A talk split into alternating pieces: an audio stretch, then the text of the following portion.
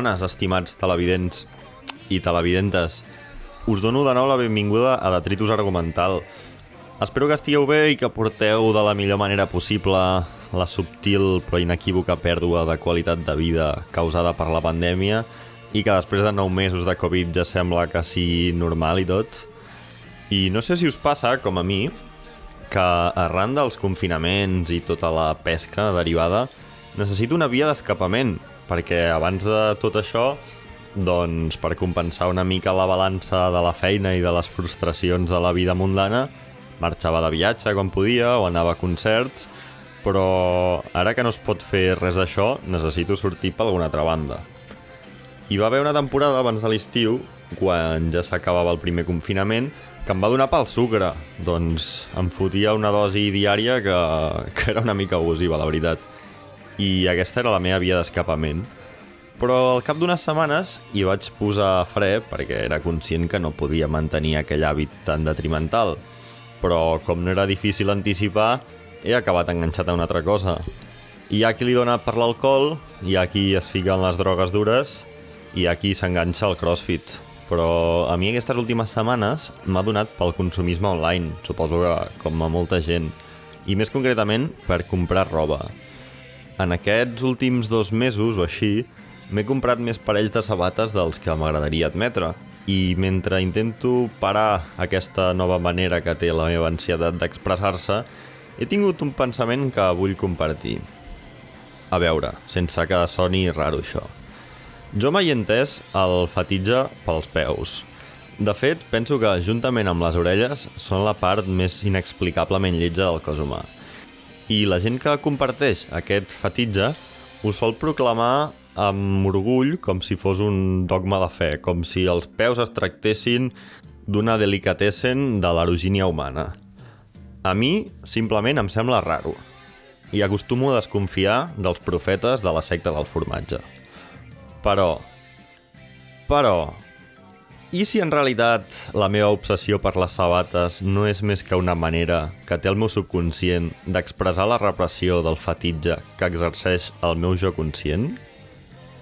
I si la silueta del peu és en el fons atractiva per tot l'ull humà i les fundes a les que anomenem bambes no són més que un accessori d'aquesta filia? Si tot això fos així, voldria dir que tots els sneakerheads no són més que esclaus del fetitge de peus sense saber-ho. Podem considerar, doncs, les Jordan com un símbol eròtic en la mateixa línia que el cuir, les manilles o un fuet? I direu, a què ve tot això? Però aquest programa no anava de música i estava enmig del rànquing de les millors cançons de l'any?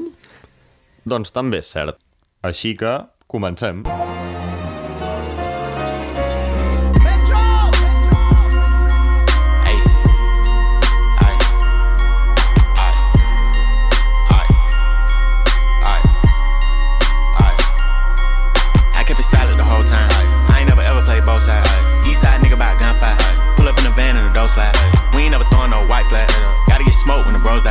They gon' spin to the car high. Uh, don't call my phone till some more die.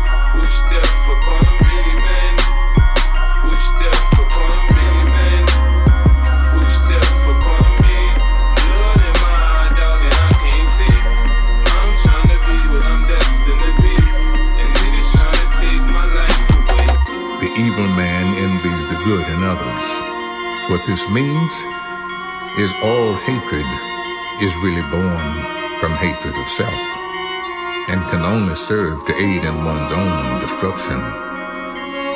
This is the downfall of many men.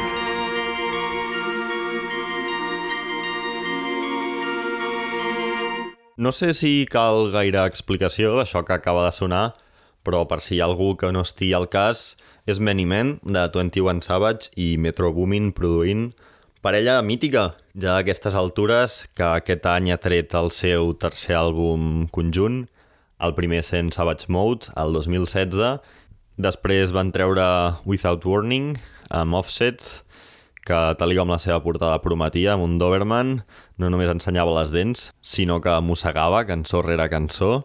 I aquest any han tret Savage Mode 2, que jo crec que és inclús millor que els seus predecessors, i sens dubte l'àlbum de trap més rodó de l'any. I és que el Metro Boomin i 21 es complementen a la perfecció. I per aquesta ocasió han afegit un tercer membre a l'equip, que és Morgan Freeman, que posa veu a tots els interludis de l'àlbum, que no són pocs. I una altra veu, que segurament també haureu pogut identificar a Many Men, precisament, és la de 50 Cent, que a través d'una sample de la seva cançó amb el mateix títol, doncs apareix aquí també. Many Men, pels nostàlgics i nostàlgiques de la blinguera del hip-hop, que era aquella època entre la Golden Age dels 90 i la reinvenció del gènere amb Twisted Fantasy a partir del 2010, on el hip-hop d'escassa aclamació crítica regnava amb una estètica basada en el bregadotxio constant, l'ús desmesurat de grills i en ensenyar els calçotets, Busta Rhymes, Dizzy, The Game... Enteneu, no?, per, per on va? Doncs Many Men era una de les cançons més significatives del Get Rich or Die Trying, l'àlbum de 50 Cent del 2003, que des de Detritus Argumental vull reclamar com a un clàssic del hip-hop i de la blinguera, òbviament, que la blinguera es menysté respecte a les altres èpoques del hip-hop, doncs perquè, home, té una estètica força dura, a primera vista, i sent sincers, no ha envellit massa bé. Però, bueno, hi ha aquest feeling generalitzat des de que es va acabar l'època de la blinguera, però jo tinc la sensació, o com a mínim m'agrada pensar, que la blinguera pot tornar de la mateixa manera que hi ha hagut un revival últimament del pop, doncs, molt de final dels 90 i ja de principis del 2000, no? Tot el que envolta Britney Spears o Destiny's Child, NSYNC, Avril Lavigne, etc. No sé si té un nom aquesta fase del pop. Doncs això, que ha tingut una tornada últimament, jo ho noto molt, per exemple, amb Rina Sawayama. Bueno, el cas és que el hip-hop i el trap han d'evolucionar, no?, com tot. I jo crec que un pas lògic pel futur doncs és el retorn de l'estètica de la blinguera, que de fet, a la portada de Savage Mode 2 es nota força la tendència cap a aquesta estètica. Doncs a través d'uns photoshops que fan sangrar els ulls, molta presència de cadenes d'or i diamants, armes, foc, tot molt exagerat. Jo penso que molaria recuperar els pantalons caigudíssims i els trajes de tres talles més grans i potser en un parell d'anys tornarem a veure els jugadors de la NBA vestits com l'Allen Iverson una altra vegada. I bé, no sé on està portant tot aquest sermó que estic fotent, però si realment torna l'estètica de la blinguera, que consti que ho heu sentit primer a Detritus Argumental, eh? I mentrestant no es fan realitat les meves prediccions, doncs passem a la següent cançó de la llista, que és la número 29 ja. Es diu Living in a Dream, és de Banshee, i sempre que l'escolto pujo una mica al baix de l'equalitzador, de manera que fa que els altaveus o els auriculars se saturin de baix fins al punt aquest d'estrès que distorsiona la cançó, lo just com per donar-li un boost. Així que, si podeu fer-ho, us recomano molt que ho proveu.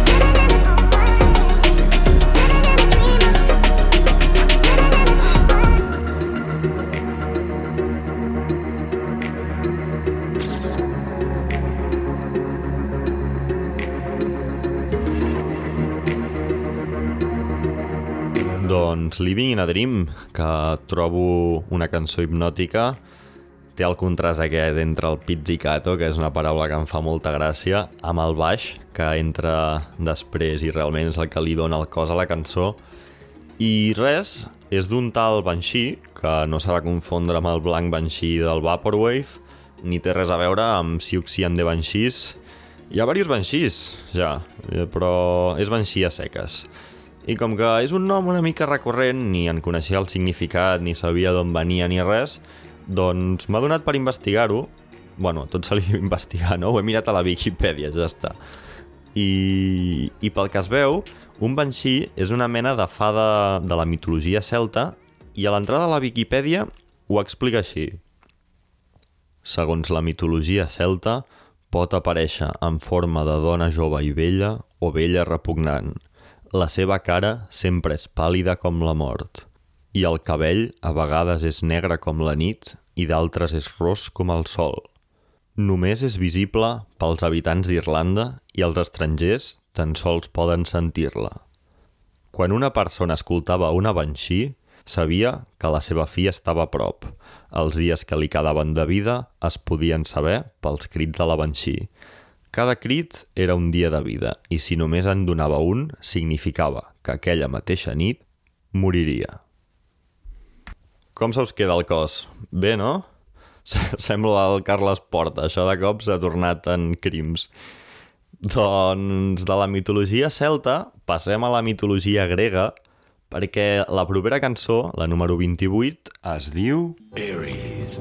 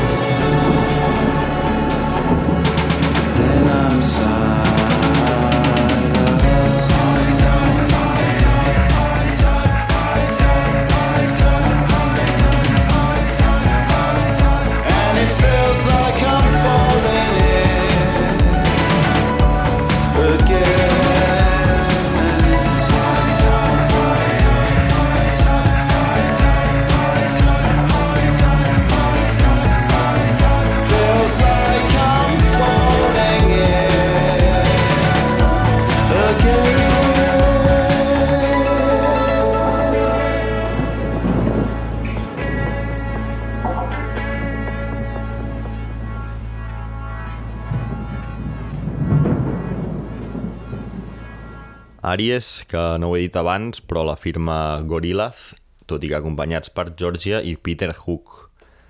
Costa seguir-li el ritme a Gorillaz, últimament en quant a publicació de material, perquè aquesta cançó està dins de l'àlbum que han publicat aquest any, però és que no han seguit un ritme lineal de single més àlbum, sinó que han anat traient EPs, els quals anomenen episodis, fins a treure l'àlbum. Però és que després de l'àlbum han seguit traient EPs, però amb cançons que ja estaven a l'àlbum, bueno, una cosa una mica estranya. Però l'àlbum, que es diu Song Machine Season 1, que per cert probablement és el disc amb la portada més lletja de tot l'any, doncs a Song Machine, Damon Albarn i els seus dibuixets van a col·laboració per cançó. De fet, a l'àlbum hi ha des de San Vincent fins a JPEG Mafia, Fatoumata Diawara, Elton John, Schoolboy Q, de tot, vaja. En totes les cançons hi ha afegits tot tipus d'artistes i de tot aquest popurri, doncs el millor que n'he tret ha estat aquesta, Aries, doncs això, amb features de Georgia i de Peter Hook que és tota una institució, però pel que no el tingui ubicat, doncs era el baixista de New Order i de Joy Division, i bé, New Order també cantava. I és que només sonar la primera nota d'Aries ja es pot reconèixer instantàniament el segell inconfundible del de l'Hacienda. I de fet aquesta cançó em sembla més New Order i millor que el material que han tret els propis New Order aquest any, del que Peter Hook ja fa una dècada que no en forma part. Estàs escoltant Detritus Argumental. Tal, tal, tal, tal.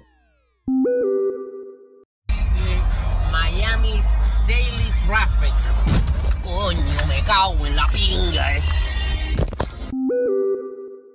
Molt bé, doncs anem a pel número 27 i ja ens acostem a poc a poc a l'equador de la llista que si és bona la llista fins ara, doncs ens queda la meitat encara més bona. I si heu aguantat fins aquí, imagino que una mica d'intriga tindreu pel que es ve. Però pas a pas, perquè ara ve I'm the Das, de Methane, que és una cançó que exclama Nova York per totes bandes. De fet, Methane és un tio de Brooklyn que està bastant ficat, pel que tinc entès, en l'escena aquesta del hip-hop abstracte, doncs que formen Standing on the Corner, Mike, Mavi, Pink Sifu, Slauson Malone... De fet, amb Slauson Malone tenien un grup que es deia Metzlaus, que em sembla que ja no estan junts, però vaja, que està ficat en tot aquest meollo de col·laboracions constants, mútues, que de fet és el que li va donar forma a Some Rap Songs, no? que probablement és la cúspide de tot aquest moviment en el que el Sweatshirt jo crec que s'hi va afegir després, però que en la meva opinió el va polir i el va perfeccionar.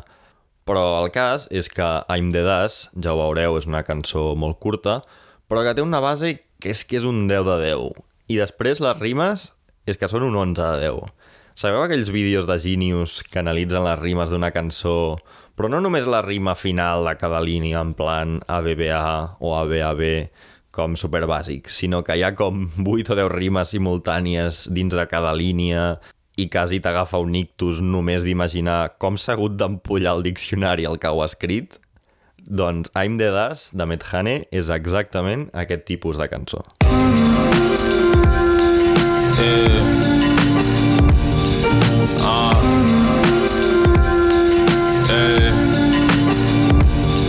Try and settle down, stepping through the clouds, feet solid on the ground, my spirit loud, stood firm. Notice what I put first, couldn't hurt more, had to work towards peace. In the Stussy fleece through the breeze, uh, flew to the east and I seen it. Never knew that I could reach it. Show me love when I feel defeated. Been a minute shipping decent. Hey, I ain't heard a whisper to the peak and I looked at the sky. Uh, know I'ma get it if it's mine. Took time, can't hide what's behind the eyes. Grip the prize in my mind spinning.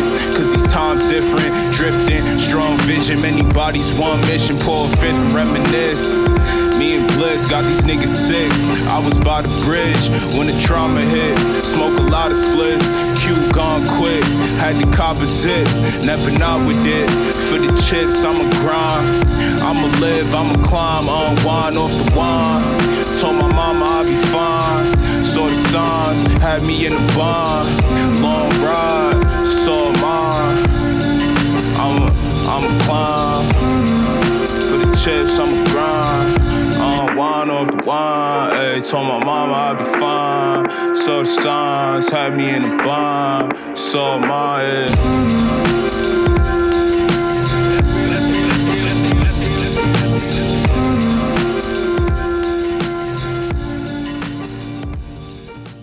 I seguim amb la posició número 26, que l'ocupen Carinyo amb Te Brillen, perquè, home, ja feia estona que no posava cap cançó que no fos en anglès.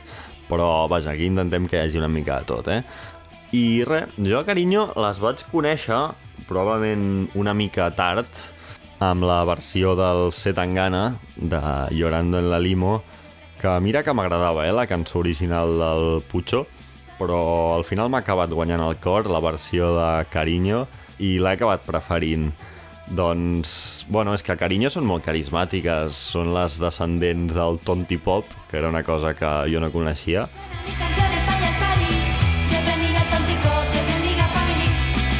i de fet és que són el grup de pretensió inexistent per definició. I jo crec que és la clau del seu èxit una mica, doncs ser tan digeribles i a més a més combinar-ho doncs, amb lletres aparentment simples però que tenen un punt d'humor que, que realment és diferencial. I pel que es veu, dos de les tres components es van conèixer a Tinder i després doncs, van acabar muntant el grup.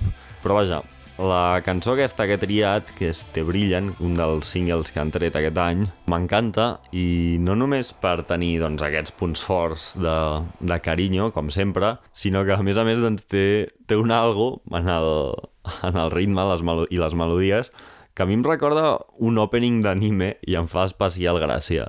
Però, però bueno, la cançó està molt bé i a més el videoclip el va fer Rocío Quillauamant, la il·lustradora barcelonina de la que en soc fan i realment la, la seva energia doncs, eh, crec que quadra molt bé una mica amb el cinisme de, de carinyo que tant m'agrada. Te brillan mucho los ojos cuando estoy a punto de saludarte. Te sienta muy bien verme. Te cuesta poco decirme que me quieres, pues no me lo digas hoy, que luego siempre me duele.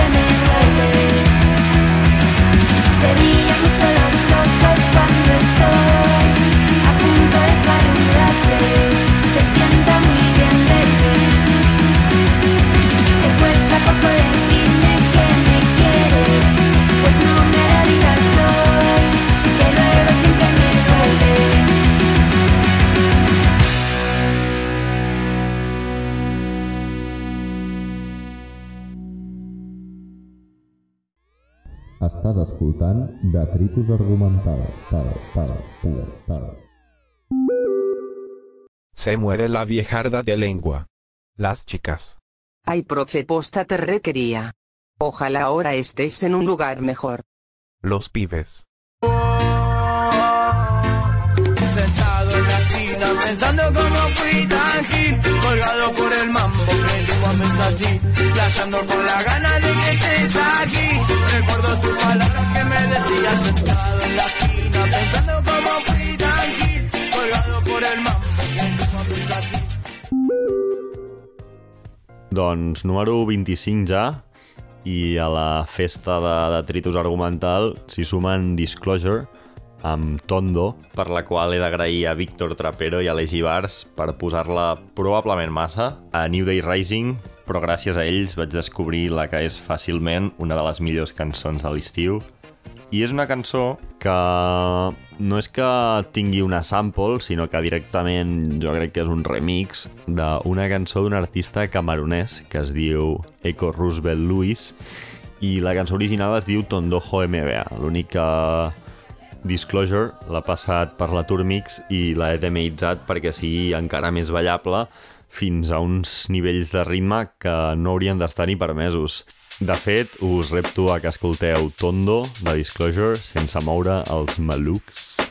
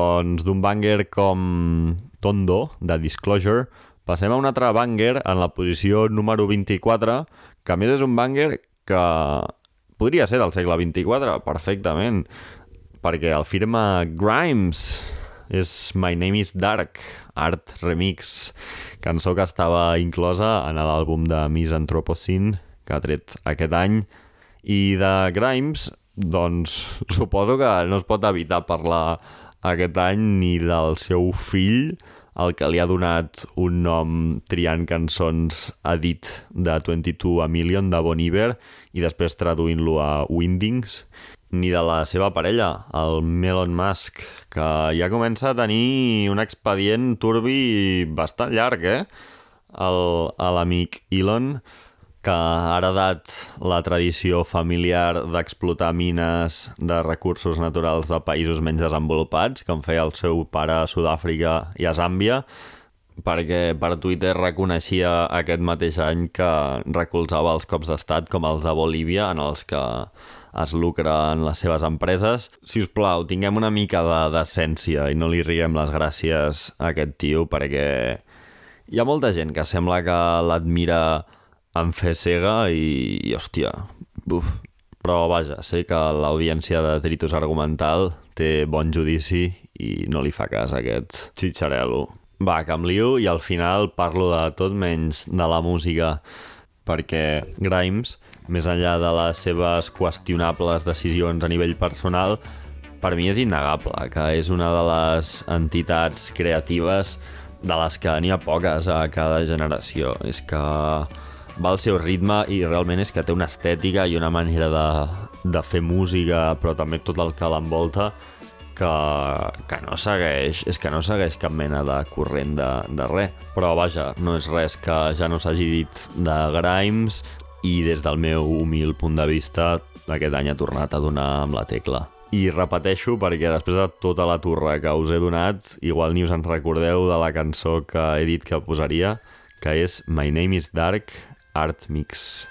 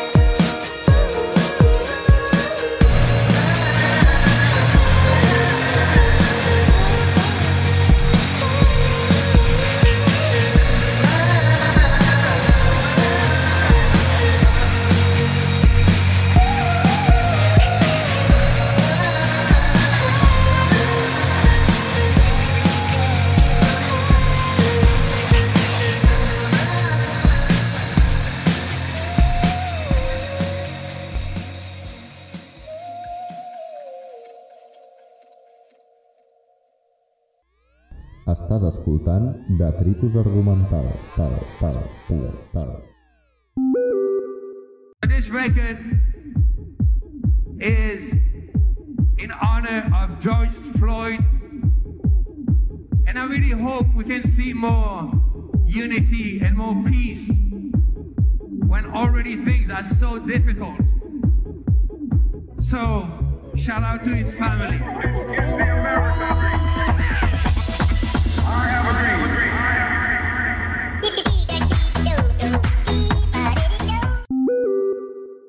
Doncs de Silicon Valley passem a Sant Esteve Sarrovires. Òbviament, Rosalia, que mira que ha tret singles aquest any, doncs havia d'estar peti qui peti. I home, Rosalia, jo estic segur que ha sentit molt a Grimes. I com Grimes, tot i que d'una manera encara més sorprenent per mi, Rosalia és una figura polaritzant a aquestes altures i sembla que quantes més metes supera i més èxit té, doncs més haters té al darrere però haters de casa nostra. Jo és que no ho entenc. Diuen que, que sí es ven, que sí és, és molt comercial i...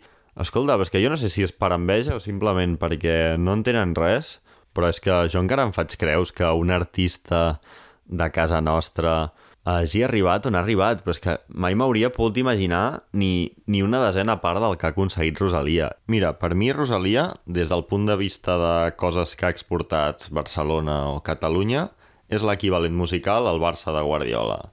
Així de flipat soc. I que hi hagi gent no només no ho valori, sinó que se li tiri a sobre constantment, és que és un reflexe molt trist de, de com som. I el discurset aquest de que es ven, escolta, és que endavant, que, que es vengui el que vulgui. O sigui, està traient uns, uns xecs que a molts els hi agradaria, però és que no és només que es vengui, és que també fa les coses bé, perquè has de valdre molt per tocar tots els registres que toca Rosalia. El dilluns igual està gravant una cançó amb Bad Bunny o J Balvin.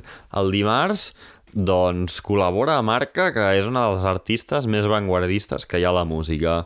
I el dimecres uh, la convida a Frank Ocean a les seves festes sense més interès més enllà del, de l'admiració i el respecte que ha despertat Rosalia en molts artistes que ja estaven consolidats. I si hi ha algun hater de Rosalia escoltant-me, que pausi un moment, que se'n vagi al racó de pensar i quan hagi reflexionat, que torni. Però, mentrestant, a la resta, anem a fer una mica de repàs del que ha tret Rosalia, que és bastant en forma de, de singles aquest any, i esperem que el 2021 doncs, ens regali un àlbum. I comencem aquest breu recordatori del material que ha tret Rosalia el 2020 amb Juro que, que em penso que és el primer single que va treure l'any, i, bueno, molt pur rotllo flamenc, però la veritat és que no em va matar. O sigui que no és la cançó que he triat, Després, bueno, no sé si en ordre purament cronològic, però també va treure TKN amb Travis Scott, que quan van donar pistes de que anaven a treure aquesta col·laboració, a mi, doncs, home, el hype era important, no? Per mi, per molta gent, però va ser una mica decepcionant. A mi em va saber a poc, i igual sóc jo, però crec que és perquè la cançó és molt curta no té temps de desenvolupar les idees que presenta i potser hauria estat bé algun feature del cercle de Travis. Igual un Young Thug aquí m'hauria sentat de meravella. Però de nou tornem a tocar de peus a terra per valorar el nivell al que està jugant Rosalia, que és a primeríssima divisió. Després hi havia la de Anoche, que és bastant recent, de fet, en, en l'últim àlbum de Bad Bunny, que Home, està bé, jo crec que està bé, però la producció em va semblar bàsica, és de primer de reggaeton, a la meva opinió. Sembla un preset de, del Fruit Loop. Què més? Doncs també hi havia Relación, en la que Rosalia, no sé si és que tenia un paper testimonial, però és que el pastís s'havia repartit entre molta gent. Hi havia J Balvin pel mig, Farruko, Daddy Yankee i un altre que, que ara no me'n recordo qui és, però vaja, massa gent allà al mig i la cançó simplement no és seva, no és seva i en cap moment la pot portar per on ella li pugui interessar. I més, més, uh, Blinding Lights amb el remix de The Weeknd, que directament no m'agrada, crec que és la pitjor cançó en la que ha sortit Rosalia aquest any. I després només en queden dos, La primera és Que lo que, a Marca, que, a veure, això ja és una altra cosa. Es nota que Marca ha tingut una llibertat creativa molt més gran que la resta de col·laboracions que ha fet i és una cançó molt més experimental, naturalment, no? Sent d'arca i es nota que tenen molta més química. I és que tot això és natural, perquè no és el mateix treballar amb una artista més petita, no? a nivell comercial i de popularitat, i a XL Recordings, a més a més, que en els popurris aquests que ha fet amb J Balvin o amb Bad Bunny, que són autèntics eh, taurons de la indústria i en els que pots decidir, suposo, molt poca cosa, perquè el beat ja està fet i el que mana és el, és el talonari. Per tant, la cançó que he triat, tot i que, que lo que m'agrada molt, és l'única de la que no he parlat, que és Dolerme, que va publicar Rosalia doncs, en el punt àlgid del confinament i que contrasta molt amb la resta de singles. Jo crec que és la cançó que ha publicat que més s'allunya de, dels focus i de la pressió comercial i penso que a Rosalia això li va sentar fenomenalment perquè resulta en la cançó més íntima i més sincera que ha tret probablement des del mal querer. Així que tornem a disfrutar una vegada més de Doler-me. Por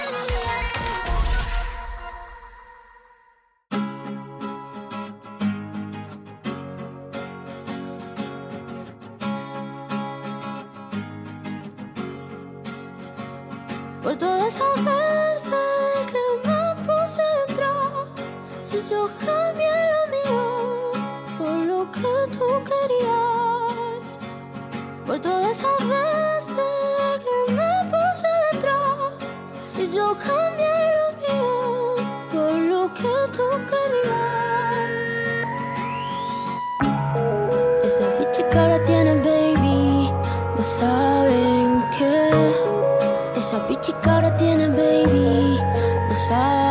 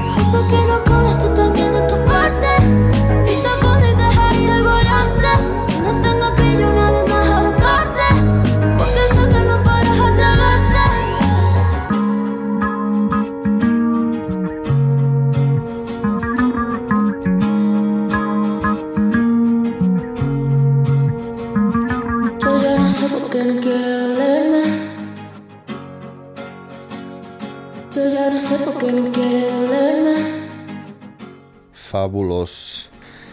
I si creieu que ja havia acabat amb la torre de Rosalia, doncs segueixo una miqueta més, perquè una de les virtuts que abans m'he deixat, de, tant de Rosalia com del seu equip, imagino, és que se sap rodejar de gent que sap el que es fa, perquè Dolerme està produïda pel Guincho, òbviament, que l'acompanya sempre, però també està produïda per Frank Dukes, que ja li va produir a Palé, que és el meu altre single preferit després d'El Malquerer, i Frank Dukes, a qui no li soni, és un tio que bueno, és un monstre. Uh, Va començar produint per Danny Brown, a Hybrid Theory i a Triple X, però després ha estat amb el Frank Ocean a Chanel, My pockets snug.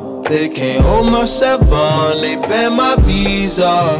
My Amex and Mastercards. I got. i a Viking amb el Young Thug amb Lorde, amb Melodrama, amb Nicki Minaj, amb Post Malone, amb Kendrick, fins i tot. És que Rosalia no té un pèl de tonta. I és per això que, òbviament, sempre que treu música, doncs entra en les meves llistes del millor de l'any. I una altra que no m'ho pensava, però que mirant enrere també es cola sempre a les, a les meves llistes, és Lilus Ibert, que ocupa la posició número 22 del rànquing, perquè és que ja porta... He fet una mica de retrospectiva i ja porta 3 anys seguits colant-se per aquests endorreals fa un parell d'anys amb New Patek i l'any passat amb Futsal Shuffle i aquest any, doncs, també. I de Futsal Shuffle vull comentar una coseta ràpida que em sembla bastant significativa per entendre uh, en quin punt està el trap i cap a on pot tirar. Perquè Futsal Shuffle era una d'aquestes cançons que donava l'eterna promesa del profeta del trap que beneiria la humanitat amb la fórmula dels beats del futur. I, i sembla que aquest repte el van acceptar més artistes, a part de Lilus Ibert, perquè també sento aquesta pretensió de fer el trap de Blade Runner a Adme de Playboy Cardi i fins i tot a In My Room del Frank Ocean, entre, entre altres cançons. Però per diversos motius, cada un dels artistes que ho han intentat no ha aconseguit cristal·litzar aquesta idea de trap progressiu. Però en el cas de Uzi, jo ho atribueixo doncs, a, a que és bastant inconsistent, perquè aquest any ha tret tres àlbums, un d'ells juntament amb Future, i anem a dir que, que no anaven sobrats de consistència però que l'il·lusi no hagi aconseguit materialitzar aquesta visió futurista de manera consistent no vol dir que de tant en tant no ens regali perles com la cançó que he triat, que és Myron, que apareixia en la seva segona publicació en forma d'àlbum de l'any. I Myron em sembla probablement la millor cançó de trap de l'any perquè és irresistible com entra la base.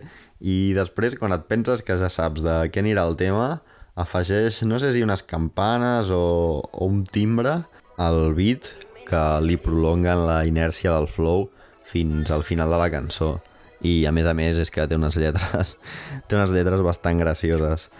Així que anem a escoltar el que és un dels bangers més indiscutibles del 2020 Myron de Lil Uzi Vert I could make a hoe out your wifey. Jeremy's got up on my toes, act like jockey. Made her get down on the bottom and she tied me. Pull up extra icy, I'm not playing hockey. Niggas think I'm weird and they don't really like me. Cause I could fuck your bitch and fuck your mom and auntie. Your girl's a five, but your mom is a dime piece. And your auntie, her name is Miss Connie. I got one Glock, his name Clyde, the other one named Bonnie. These bitches, they think they dandy, but they be just lying. That little bitch can't throw it back, I swear that hoe be trying. When I fuck her from the front, it sound like that bitch dying. VVS, I need a vest, and need me act my diamond. I swear these niggas talk shit, but they really be hiding. Had that boy bitch on my dick, that hoe she was just riding. Diamonds on my neck, so wet, that shit look like Poseidon. I stand on my money, then my height, it turn to 910. Yeah. These niggas be biting. Grata, I'm not really with the fighter. Yeah. Me and her was vibing. Yeah. Your bitch call me Myron. Stay so fresh, so clean, think they like me. Like me. I wear more supreme than a high beast. Only blue, no green, don't excite me. I could make a hoe out your wifey. Jeremy's got up on my toes, act like jockey. Made her get down on the bottom and she tied me. Pull up extra icy, I'm not playing hockey. Niggas think I'm weird and they don't really like me. 90,000, that's a lie, man. Yeah, I can tell you it's the real still. Yeah, fuck your bitch just for a light bill. Yeah, banana clip ain't mostly burning. I can't slip, slip, slip, no, no, I can't miss. I got icebergs on my neck. I could sink a ship out of space, but not regular. Titanic, my whip in the hood, I'm not regular. I just brought my stick, baby. Oh, you think I give a fuck because I'm rich, baby? Come on, baby, let's have sex and have a rich, baby. She said, I thought you ain't do that well, you dismissed, baby. Uh, young nigga know I ain't chain up, who's from six, baby. Yeah. Uh, I don't think they like me. But when I drop this song, I know they'll get excited. She was homie girl, but now that girl is my bitch. I like them girls that do that scamming and that swiping. I just ran up on my pants. I just ran up on my pants. I just ran up on my pants. I just ran up on my pants. She give me hit that be my grand. She give me hit that be my grand. She give me hit that be my grand. She give me hit that be my grand. Got addicted to the rule, got addicted to the sex, got addicted to the foreigns, got addicted to the rap. Man, these boys be doing the moves, and I swear that he's a fact. Man, this girl wanna give me brain, man, we call that be my grain, man, we call that be my grain, yeah, we call that be my grain, yeah, we call that be my grain, yeah, we call that be my grain. Pack on my shit, then I might migrate. Anywhere you go, know some niggas gon' hit. I don't run from shit, but the damn police. All blue hunters to wash my face, yeah. Stay so fresh, so clean, think they like me. I wear more supreme than a hype bitch. Only blue, no green, don't excite me. I can make a hole out your wife. Jeremy's got up on my toes, act like Shocky. Made her get down on the bottom and she tied me. Pull up extra icy, I'm not playing hockey. Niggas think I'm weird and they don't really like me. I ja està. Amb la tonteria només ens queda una cançó en aquest episodi que ja és la posició número 21, eh? anem avançant.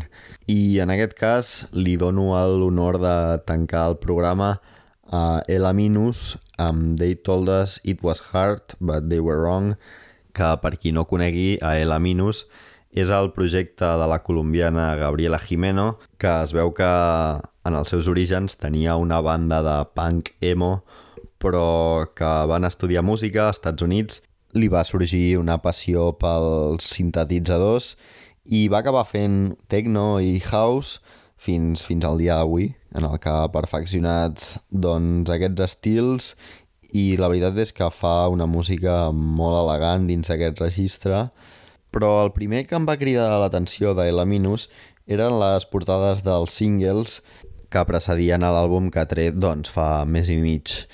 I les portades aquestes m'agradaven molt perquè combinaven blanc i negre amb enganxines roses a l'estil llisos. I aquesta estètica tan atractiva em va portar a donar-li un cop d'ull al videoclip de la cançó, They Told Us It Was Hard, i on hi ha gust i feina es nota, perquè immediatament vaig identificar que allà hi havia qualitat darrere. No he mirat qui ha fet la direcció d'art de, ni del videoclip, ni de les portades, ni de tota l'estètica, però definitivament ha fet molt bé la seva feina. I tota la bona feina que rodeja a Minus ho és fins al punt que no fa res, el meu morro fi va descobrir que a principis d'aquest mateix mes de desembre Chanel ha fet servir They Told Us It Was Hard per tancar el show de presentació de la col·lecció Le Chateau de Dames al castell de Chenonceau, que és un escenari fantàstic i a partir d'aquí tinc claríssim que Ela Minus ho padarà molt fort. Així que acabem l'episodi amb aquesta cançó i, com sempre, moltes gràcies per escoltar-me.